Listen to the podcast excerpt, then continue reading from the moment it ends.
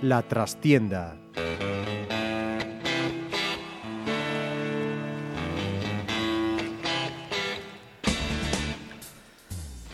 Saludos amigos, os habla Ramiro Espiño en nombre de todo el equipo. Comenzamos la trastienda en Pontevedra Viva Radio, hoy en una semana en la que no hay mucho que celebrar en lo deportivo, al menos en nuestro entorno más próximo, pero sí bastante que comentar y analizar.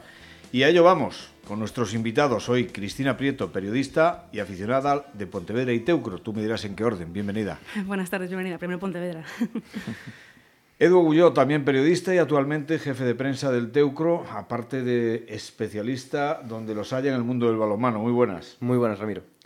Y Félix Gende, representante de futbolistas, posiblemente una de las profesiones más controvertidas ahora mismo del deporte. Bienvenido. Hola, buenas tardes, Ramiro. Bueno, pues decía yo que no ha sido una semana buena para el deporte pontevedrés, creo, sobre todo Pontevedra y Teucro que, que han palmado.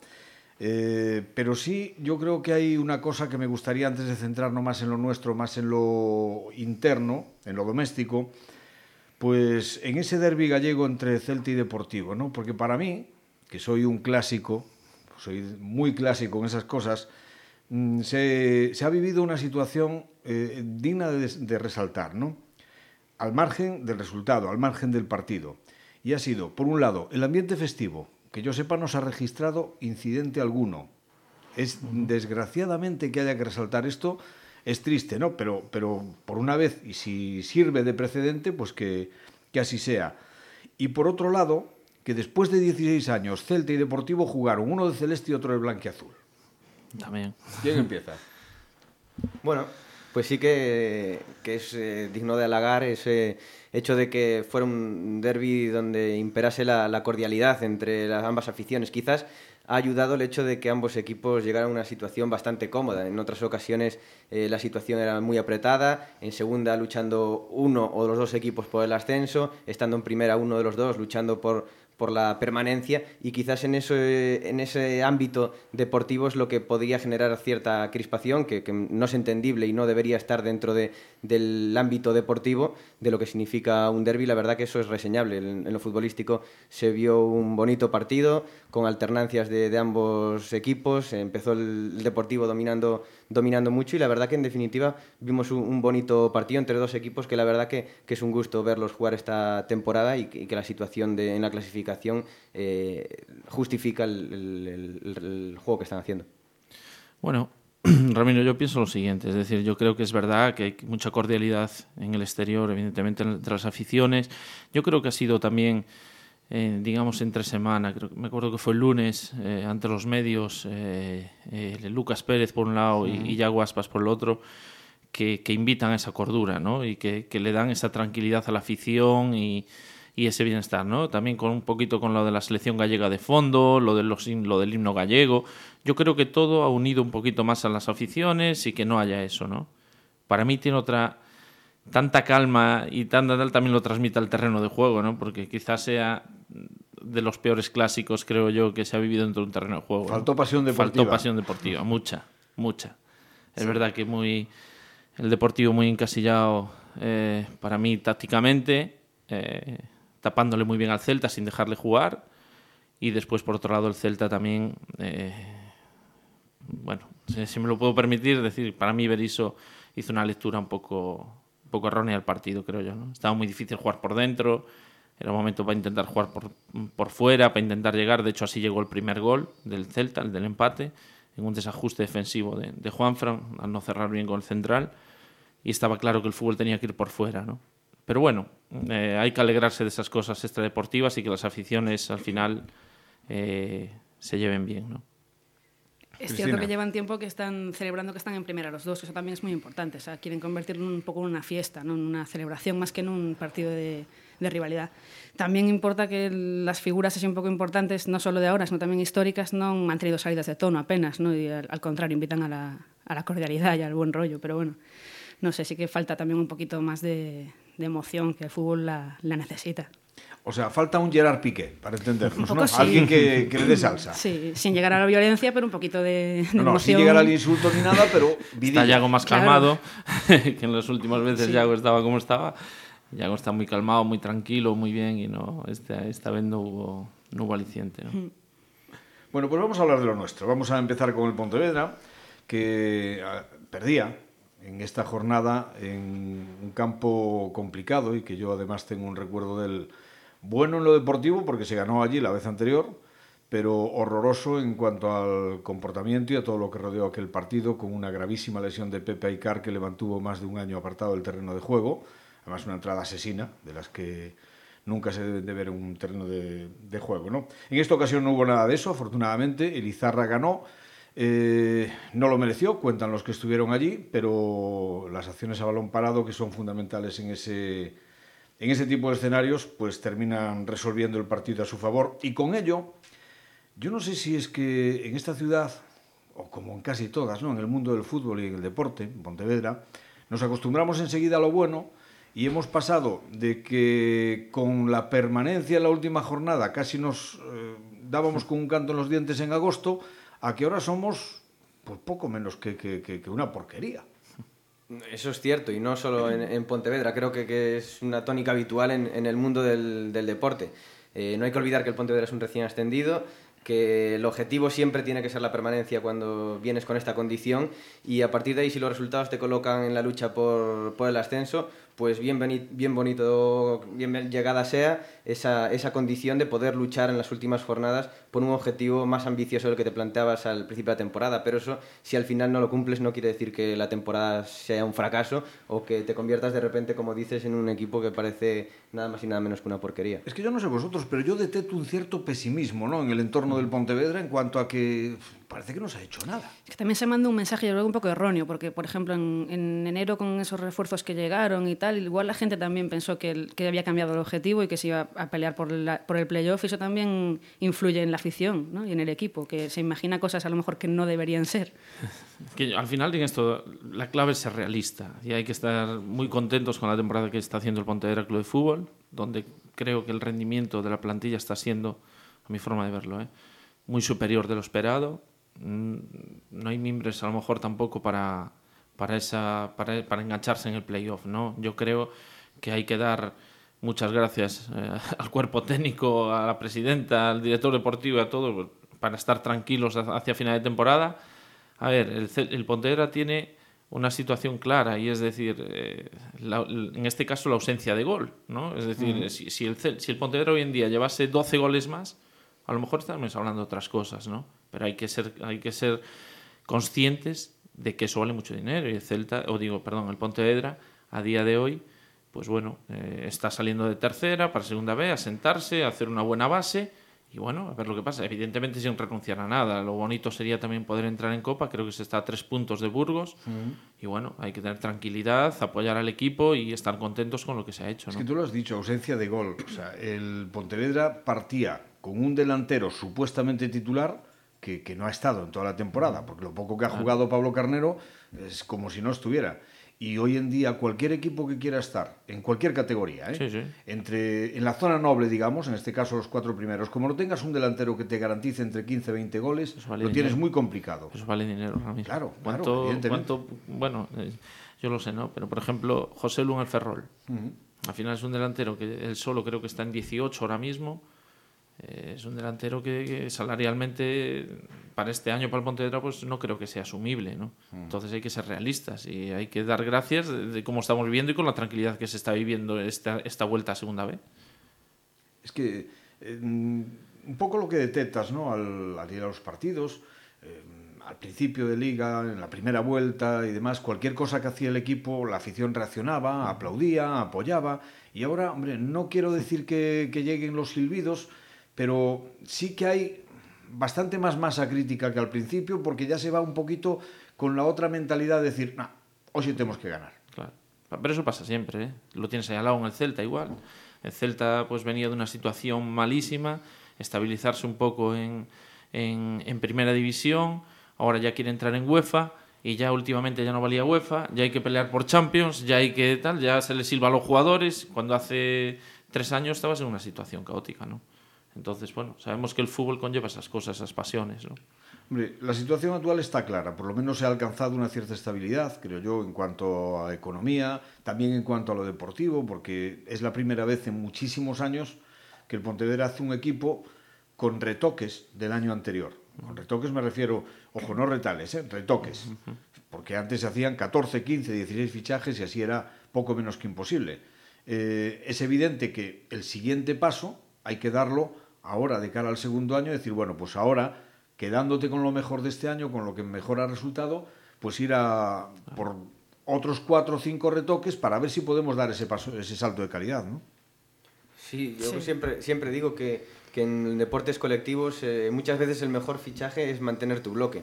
Eh, llevándolo un poco más al terreno, el, el, ejemplo lo tenemos en el Cangas. Eh, prácticamente el bloque del Cangas en Liga Sobal era el que estaba en División de Honor Plata hace cuatro o cinco años y a base de, ir solo retocando las pequeñas deficiencias que puedas tener en el juego y manteniendo el bloque han conseguido crear un equipo que, que el año pasado se clasificó para Europa y que este año está otra vez rozando los puestos europeos. Es que eso fue lo que hizo que el Pontevedra también empezase también la temporada. O sea, el bloque, que la piña que se creó también en el vestuario, todo eso es lo que hizo que el equipo estuviese tan arriba al final de la primera vuelta, yo creo. Los jugadores también ganan confianza y al final sacan todavía más rendimiento del que quizás se podía esperar de ellos, a lo mejor. ¿Y la masa social? ¿Qué echáis de menos? Porque a mí, francamente, yo pensaba, sobre todo después de los 12.000 espectadores el día del mensajero, 8.000 al día siguiente contra, eh, bueno, con, el equipo manchego que, con el que jugamos a continuación, ¿no? El, ya no me acuerdo, ahora mismo el Manzanares, que no me sabía, y otros 12.000 contra el Aro Deportivo el día del ascenso, hombre, que, que menos que, que 3.500, 4.000 y difícilmente los alcanzamos, ¿eh? Bueno, a la fiesta todo el mundo se apunta, ¿no? Cuando hay ascensos o algo siempre viene gente que no había pisado pasar nunca y es, es lo normal también. Es, pero luego durante la temporada es más complicado ya.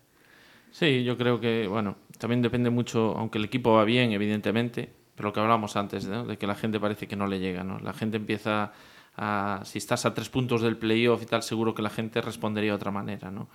Pero bueno, yo creo hemos que... Hemos estado, Félix, hemos estado metidos prácticamente, hmm. bueno, desde que se empezó a, a, mejorar posiciones, toda la primera vuelta y demás, hemos acabado en puestos de, de playoff y pero, aún así... Pero yo creo que la gente tampoco se lo creía mucho, Ramiro. Al final, no, no sé si, no quiero decir que el equipo no transmitiera, ¿vale? Pero yo creo que la gente no se lo creía mucho, no lo veía mucho. Y aparte que hoy en día también, y yo incluso lo hablo por mí, hoy en día hay tanto, tantos partidos, hay tanto que ver en la televisión, tanto que es que es mucho. Yo, por ejemplo, a mí, bueno, pero bueno, ya va mi trabajo, ¿no? A mí se me complica muchas veces venir a Pasarón, pero mucho. ¿Por qué? Porque no me queda otra que estar viendo otras cosas y visitando otros, otros jugadores, ¿no? Pero es una situación que, hombre, que sería desde luego más agradable que, que, que los jugadores puedan verse arropados pues, por mucha más gente. Eso está claro que le va a dar un plus al equipo siempre. Sería bonito y desde aquí pues hacer un llamamiento que todo el mundo pues que se haga socio y que acuda al, al estadio y, y, y, que apoye, ¿no? Sí, además yo creo que, que muchos clubes, ya no solo de fútbol, de, de muchísimos deportes, no han conseguido en, entrar en, en, el tiempo, en el siglo XXI, porque como, como, bien decía Félix, ahora mismo la oferta ya no solo deportiva en televisión, sino la oferta de, de ocio para cualquier persona es muchísimo más elevada a la que había hace 30, 20 años y creo que hoy en día los clubes tienen que ser conscientes de ellos y en muchos casos llevar por las orejas, dicho de, una manera un poco bruta, a la gente al campo y hacerles ver que allí luego se lo van a pasar bien, pero no centrarse en que lo deportivo nos va a ir trayendo gente, que sí que es cierto que, va a ocurrir, pero que, tienes que, hacer incentivos más allá de, los futbolísticos y, lo que te decía antes, pues llevar de las orejas a la gente al, campo, porque si no, no te van a venir, se van a quedar tomando una caña en la herrería, viendo el Celta o haciendo cualquier otra cosa. Hablando de ese futuro, vamos a meter un compromiso a Félix y vamos a decirle que como representante de futbolistas nos venda qué es lo que necesita el Pontevedra para la próxima temporada. Ya poniendo el carro delante de los bueyes, ¿eh? A ver, vamos a ver, yo supongo que el primero que tiene que saber eso será Roberto Feansi y Luisito, evidentemente. ¿no? Pero, lo que sí. que venderle algo, ¿no?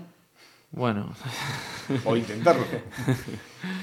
bueno, más será ayudar que, que, intentar vender, Ramiro, la verdad. Pero, a ver, yo sinceramente, yo creo que al final tú tienes que, que saber lo que te ha dado rendimiento este año bueno y donde no lo has tenido, pues tienes que reforzar, evidentemente. Aquí no, no vamos a señalar a nadie, evidentemente pero yo creo que sí que a lo mejor arriba hay que dar un salto de calidad. Un salto de calidad que te vaya a dar esos. Ahora mismo estás a nueve puntos. De calidad y de cantidad, diría yo, ¿no? Porque estamos muy solos con Borjas nada más. Sí, pero bueno, eh, es una situación que al final te encuentras también sin querer, porque contabas con Pablo y te encuentras ahora mismo que, pues bueno, en la situación en la que está, ¿no? Pero yo creo que poco a poco se va a ir ajustando el equipo. Yo creo que tanto Roberto como Luisito sabrán lo que este año ha funcionado bien intentarán dar un paso. Yo supongo que el Pontevedra el año que viene ya podrá, podrá hacer un esfuerzo un poquito más económico y podrá adquirir otro nivel de futbolistas, seguro.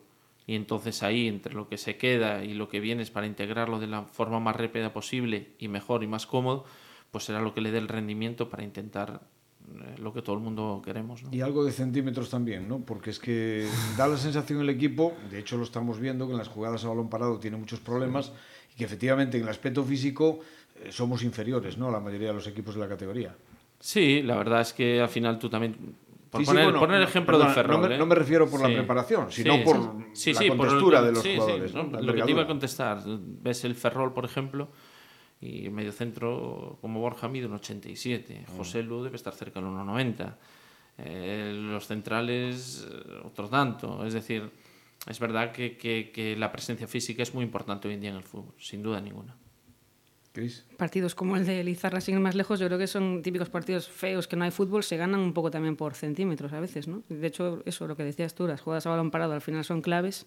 El Pontevedra ha perdido muchos puntos a balón parado este año y es importantísimo mejorar en eso. Y ha dejado de ganar, porque siempre te queda ese recurso de que cuando el fútbol no acude, que no, a ver, aquí esto no es ni el Madrid ni el Barcelona, incluso el Madrid y el Barcelona tienen pájaras, ¿no? Pero cuando, cuando el fútbol no fluye, obviamente siempre te queda ese recurso, ¿no? De colgar un balón a la olla, lo típico, ir a la heroica. El Atlético Madrid, ¿no? Por ejemplo.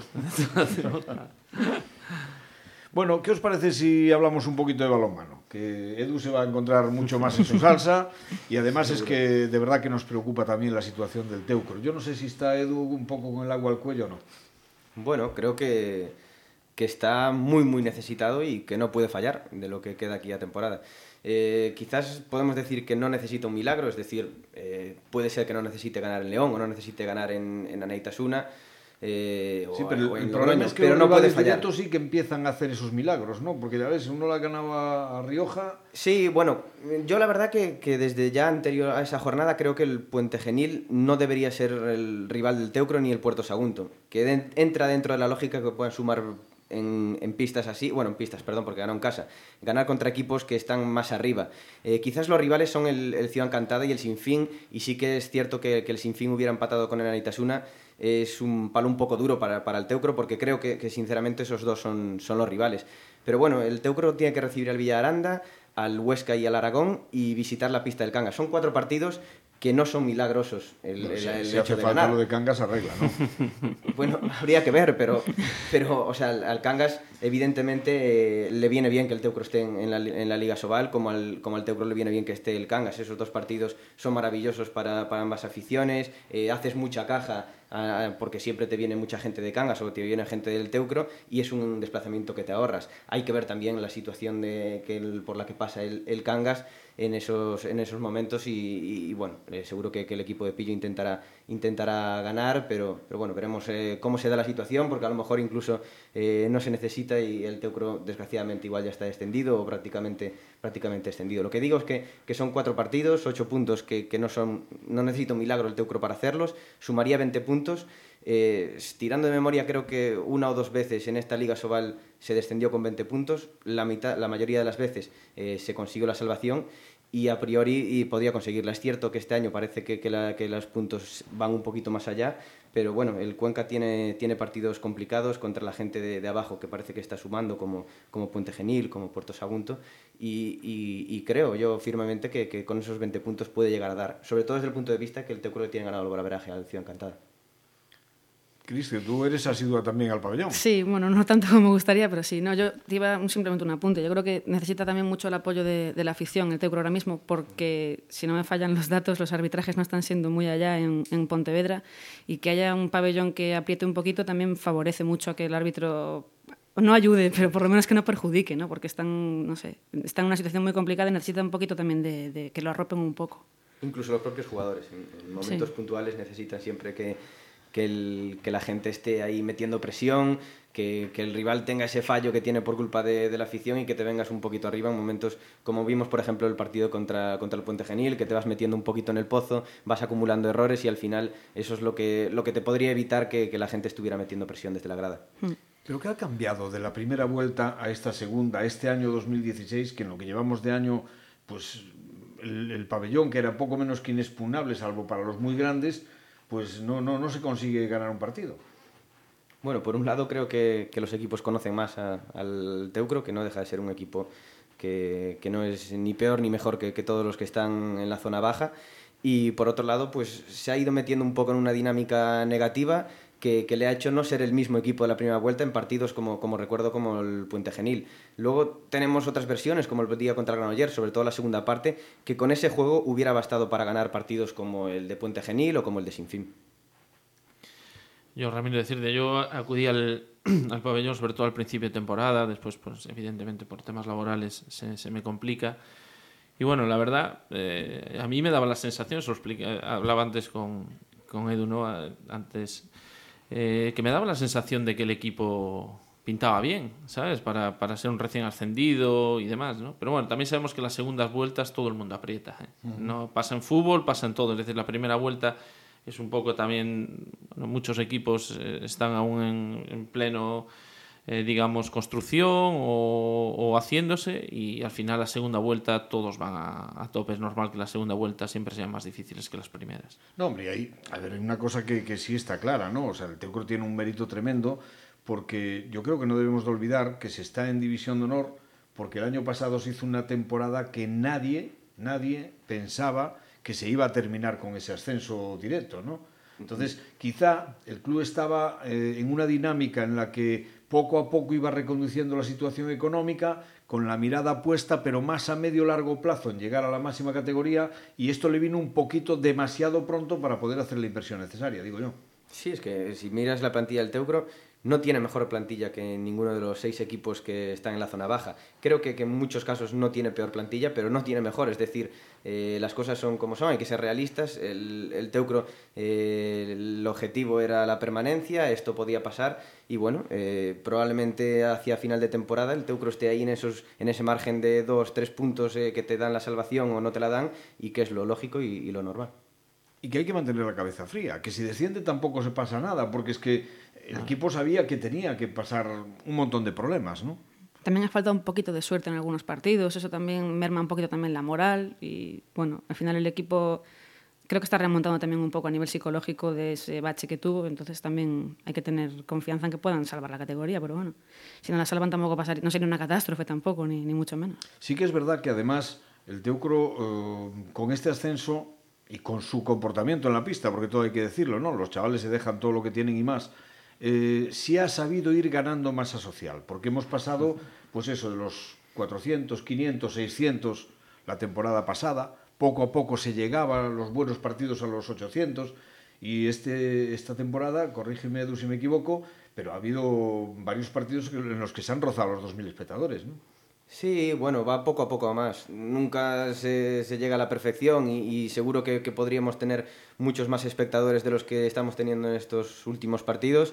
Eh, pero bueno, las cifras de, por ejemplo, creo que fueron 1.500 personas el día del, del venidor, es una cifra que comparando los demás equipos de la Soval no está nada mal. Y bueno, lo que siempre tiene que hacer el, club es seguir mejorando y trabajando por lo que decíamos antes, de, atraer a la gente, traerla por las orejas al pabellón municipal y que se den cuenta cuando estén allí una vez en el pabellón municipal que este equipo juega bien, que es un equipo que divierte y que, se irán enganchando poco a poco, seguro, al estilo de juego del Teucro. Y tú que conoces el balonmano no solo español, sino mundial, no me digas que traerías a Carabatis, que para eso también lo, lo hago yo.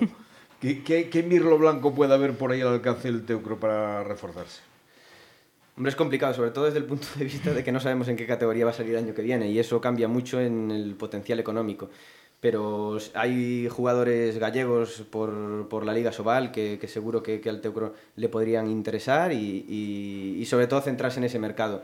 Eh, mirando hacia abajo, en Primera Nacional y en, en, Plata, sobre todo jugadores gallegos que se puedan adaptar al estilo de juego de, del Teucro, incluso en la misma Sobal hay jugadores eh, gallegos que, que pueden cumplir quizás ese requisito económico que, que, necesitan cumplirse para que el Teucro pueda atraerlos y deportivamente que, que, puedan reforzar la plantilla. Pero todo dependerá de la categoría con la que salga. La baja de Iván Fernández nos ha descubierto a un chaval de aquí que yo creo que ha sido una grata sorpresa para todos, ¿no? La de Carlos Gerard sobre todo defensivamente. La verdad que el partido contra el Benidorm no parecía que fuera su debut en Asobal, parecía que llevaba eh, bastantes partidos con, con, el primer equipo. Y si no me equivoco, creo que el, Carlos fue el quinto jugador del filial que, que, debutó esta temporada con, con el Teucro, que eso quiere decir que, que, se están haciendo las cosas bien. Sin ir más lejos, el filial va a jugar la fase de ascenso a Primera Nacional y también sería una gran noticia que, que ascendiese a, a Primera Nacional que, que permitiría atraer a jugadores jóvenes gallegos que pudieran ir for, formándose antes de, de, incorporarse a la primera plantilla del Teucro. Es que al final todo depende de dar una oportunidad a la gente. Cuando uh -huh. reciben la oportunidad, a lo mejor hay gente que se crece y se han visto varios casos, no solo el de, de ese chaval. O sea que... Este Celta con el que empezábamos hoy el comentario nació de la necesidad. Uh -huh. Más que, que no había dinero y hubo que apostar por la cantera. Y además creo que es significativo porque el Celta ve que está siguiendo una filosofía contraria a la de su primer equipo, uh -huh. tirando año tras año de talonario y comprando la plaza para mantenerse en segunda B, no acaba de arrancar. Y sin embargo, el primer equipo lucha por Europa con mucha gente salida de casa. ¿no? No, es que yo lo que pienso, Ramiro, que los jugadores al final se hacen. Por mucho que nos quieran vender la moto de que al final Yago se hace porque las necesidades de Celta en segunda y le dan los partidos que necesita. Alex López, lo mismo. Es decir, Hugo Mayo, lo mismo. Eh, Sergio, el portero, lo mismo. Es decir, son jugadores que han dado el nivel, Johnny, que están dando un nivel muy alto. Es decir, yo soy de los que piensa que si los chicos, evidentemente, tienen que dar un nivel mínimo, ¿no? Pero el nivel que, que tienen hoy en día muchos futbolistas gallegos es darle oportunidad y, y darle. Yo quiero ver a X jugadores que son buenos, dale, darle ocho partidos seguidos en un equipo y seguro que sé qué jugador se va a hacer. El seguro. mejor jugador que tiene ahora mismo el Pontevedra, desde mi punto de vista, y el de más proyección, Kevin. salió de Xunqueira. Kevin, ¿no? Kevin Sí. Presa. Sin duda A mí me alguna. gusta mucho. Totalmente de buen acuerdo. jugador. Y además es que es el que te puede dar incluso el día de mañana pues un dinero, porque estos clubs como el Pontevedra, como el Teucro y demás, pues al final tienen que vivir de, de la posibilidad de hacer un, un negocio, un traspaso. ¿no? De aquella me acuerdo en segunda estaba el Celta asfixiado, hicimos la venta de Denis Suárez a, a Manchester City, un niño de 16 años en aquel entonces, eh, por un millón de euros. Eh, al Celta le permitió no tener que vender a Yago, no tener que vender a Alex, no tener que vender a los jugadores eh, del primer equipo, que son los que estaban intentando volver a primera división. ¿no? Entonces, en eso hay que confiar. Y eso, por desgracia, hoy en día en Vigo yo creo que se ha acabado, Ramiro. Y por cierto, hablando de aquí de Pontevedra, se me ocurre, vamos, con un revoltillo, ¿no? Pero, pibe, ¿qué tal le va por Pamplona? Pues la verdad, yo lo desconozco, Ramiro. No, no, le, no le sigo mucho, la verdad. Bastante tengo con, con todos los míos. Y, pero bueno, supongo que, que es importante. Un chico que ha salido también de aquí, de- ha estado en los juveniles del, del, del Pontevedra, se ha ido al Betis, ¿no? Y del Betis Y, se, y se ha ido- dejado un dinero, Y ha dejado un dinero. Igual que. eh, porque llegó a debutar en primera división con el Betis. Claro, es que lo juega- No, y solo al hacer ya el contrato profesional ya no tiene que ser un traspaso. Cuando el futbolista hace un, un contrato profesional, los clubes donde estaba perdido hace años también se, se ven beneficiados, ¿no? Entonces, pues bueno, yo soy de los que pienso que los futbolistas se hacen, Ramiro. Es decir, no, no me vale eso de que, no, este chico no da el nivel, no. Yo soy de los que piensa que hay que trabajar con lo que tienes. Y lo que tienes hay que intentar sacarle el mayor jugo posible. Dinos una cosa, ¿cuántos futbolistas llevas tú ahora particularmente como agente? Eh, nosotros ahora mismo, en lo que es solo Promo Sport Norte, estamos rondando los 22 jugadores. Entre aquí a nivel gallego hoy hoy en día estamos tenemos a Alex López, máximo nivel te hablo, ¿eh? pues Alex López, Denis Suárez, Yago Aspas, eh, no quiero olvidarme de nadie, ¿eh? Diego Rivas, José Lu de- de- del, del Racing, eh, Muñiz del Sporting, eh, Borja Fernández, el que era el central el año pasado del Deportivo. Bueno, un sinfín. La verdad, hemos hecho, yo cuando empecé un poquito a, trabajar ya un poco más la base, he apostado un poco por los futbolistas gallegos y al final hemos tenido, yo creo que hemos tenido la recompensa. Gracias a ellos, ¿eh? no, no evidentemente gracias a nosotros, sino gracias a ellos que tienen el nivel suficiente para competir con cualquiera. Parece que este año José Lu la cuenta de resultados os la ha hecho, os la ha dejado un poquito coja, ¿no? Cuando al no querer irse, irse al Nástico. Bueno, eh, José ya el año que quedó libre en el, en, en el Compos ha rechazado una oferta de primera división de la Almería, que si- él estaba en segunda B, tiene una oferta de primera división con un contrato muy bueno y apuesta por firmar tres años en el Racing. José es un chico un poco peculiar, es decir, es, un chico que, bueno, que eh, una frase que le hoy en día, bueno, que él no jugaba al fútbol por dinero, o bueno, hay, que, hay que respetarlo, y no hay más. Es decir, nosotros tenemos que, que, acatar lo que dicen los jugadores. Ya iba a ser determinado representante que, que se llevó precisamente uno del Celta para el Valencia, ¿no? Sí, sí, sí, señor sí, sí, sí, sí, sí, a Santi, sí, sí. Yo, es, que, algunos de verdad a veces no vuelven demasiado locos a los jugadores intentando moverlos constantemente porque cada movimiento algo queda. A ver, Ramiro, yo te pongo un claro ejemplo. Por ejemplo, la gente puede pensar, por ejemplo, nosotros en el caso de Denis. Denis, un chico de 22 años aún, ha estado en el City, ha venido a Barça B, se ha ido a Sevilla y ahora está en Villarreal, ¿no? La gente dirá, o mucha gente a mí me dice, me dice, joder, cada año una operación. Y no es eso. Al final tienes que buscar en estos chicos jóvenes la proyección del chico y lo que el chico quiere hacer. Es decir, el chico sale del, del Barça B en el primer equipo, no tiene acomodo, tiene que seguir creciendo. Un equipo ideal sería Sevilla, evidentemente. La verdad que el chico asumió el reto y lo venció, hizo 46 partidos.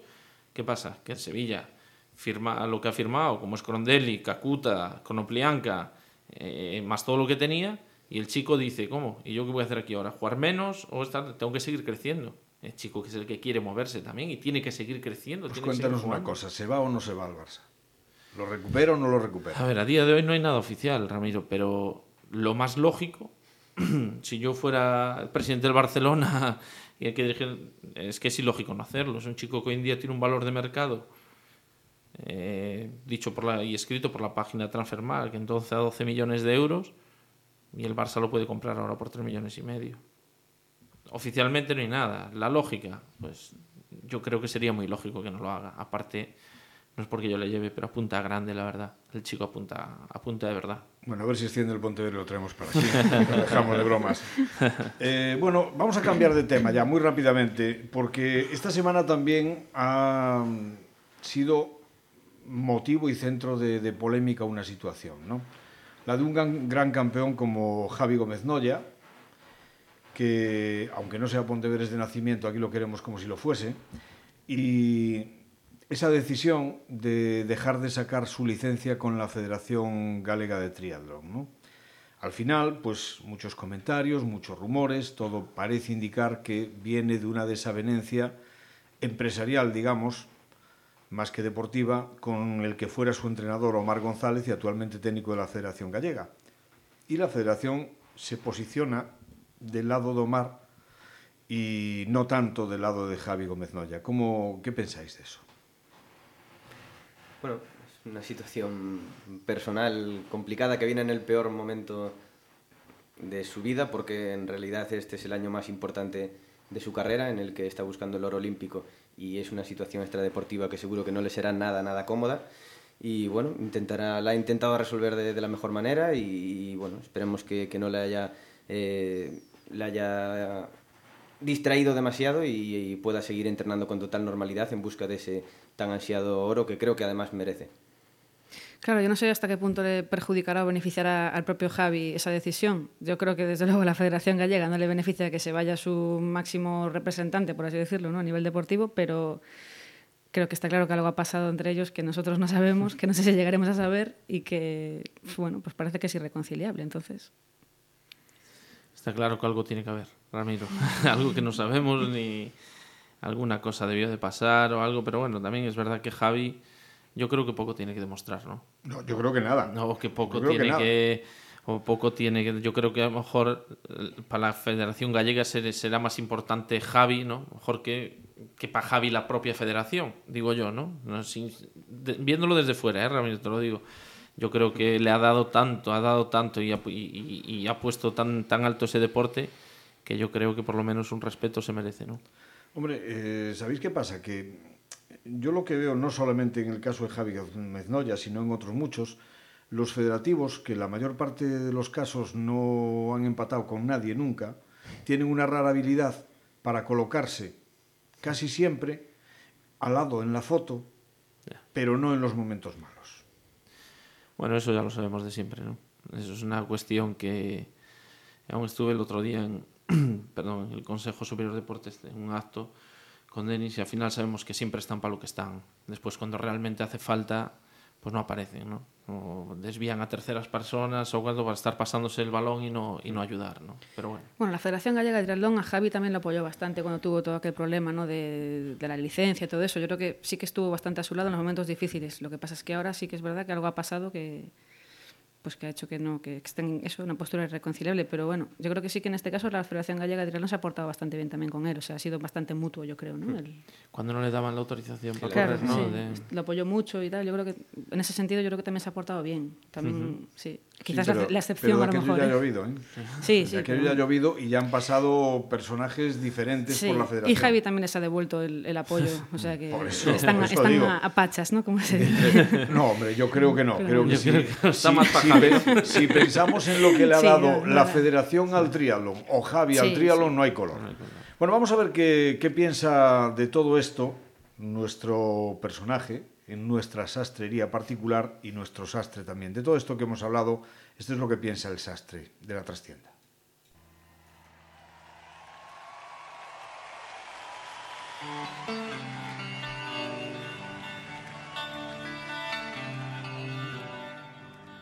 Uf, vaya semanita, ni que nos hubiera mirado un tuerto.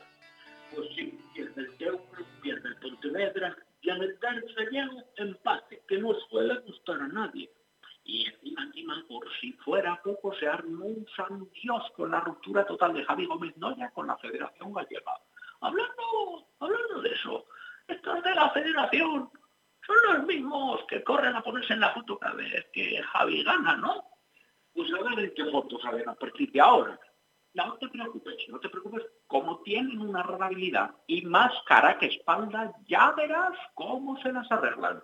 Ya, ya, pues no, no veo yo a Javi dejando que le pasen la mano por el hombro cuatro mindundis oportunistas. Hablando de oportunistas, como el Pontevedra ahora le cuesta más ganar y lo del playoff se aleja, ya empiezan los de siempre a salir de la cueva.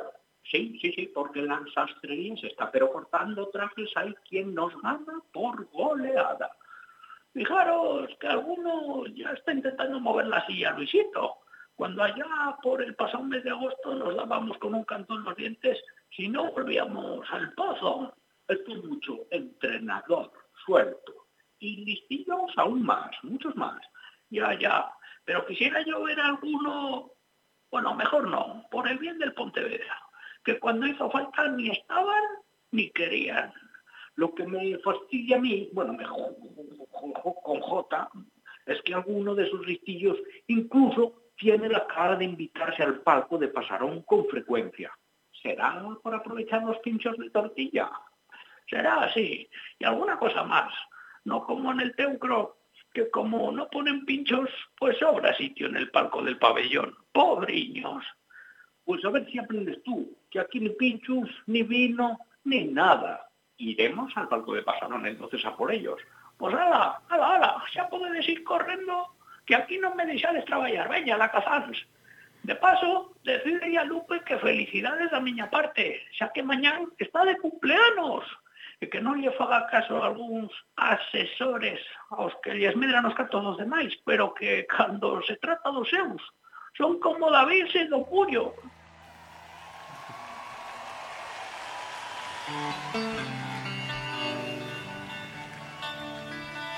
Bueno, pues la, el particular humor o forma de ver las cosas de, de nuestro sastre, que a algunos les gustará y a otros no, como siempre, ¿no? Y, Cris, a ti te gusta mucho la música, ¿verdad? sí. Tú sabes que esta trastienda tiene la costumbre de hacer una despedida musical del programa cada semana con, con un tema para mí muy bonito. Ya me diréis si sí o si no. Con él vamos a dejar la trastienda aquí. Muchísimas gracias a los tres por estar. Y les dejamos, os dejamos a todos vosotros con un tema de un guitarrista irlandés irrepetible, una de las máximas figuras del blues rock y del hard rock, Gary Moore, fallecido en 2011. Y este que vais a escuchar fue su último gran concierto en julio de 2010 en el Festival de Montreux. Still Got the Blues. Como siempre, que lo disfrutéis. Hasta la próxima semana que intentaremos que haya más y si podemos también mejor.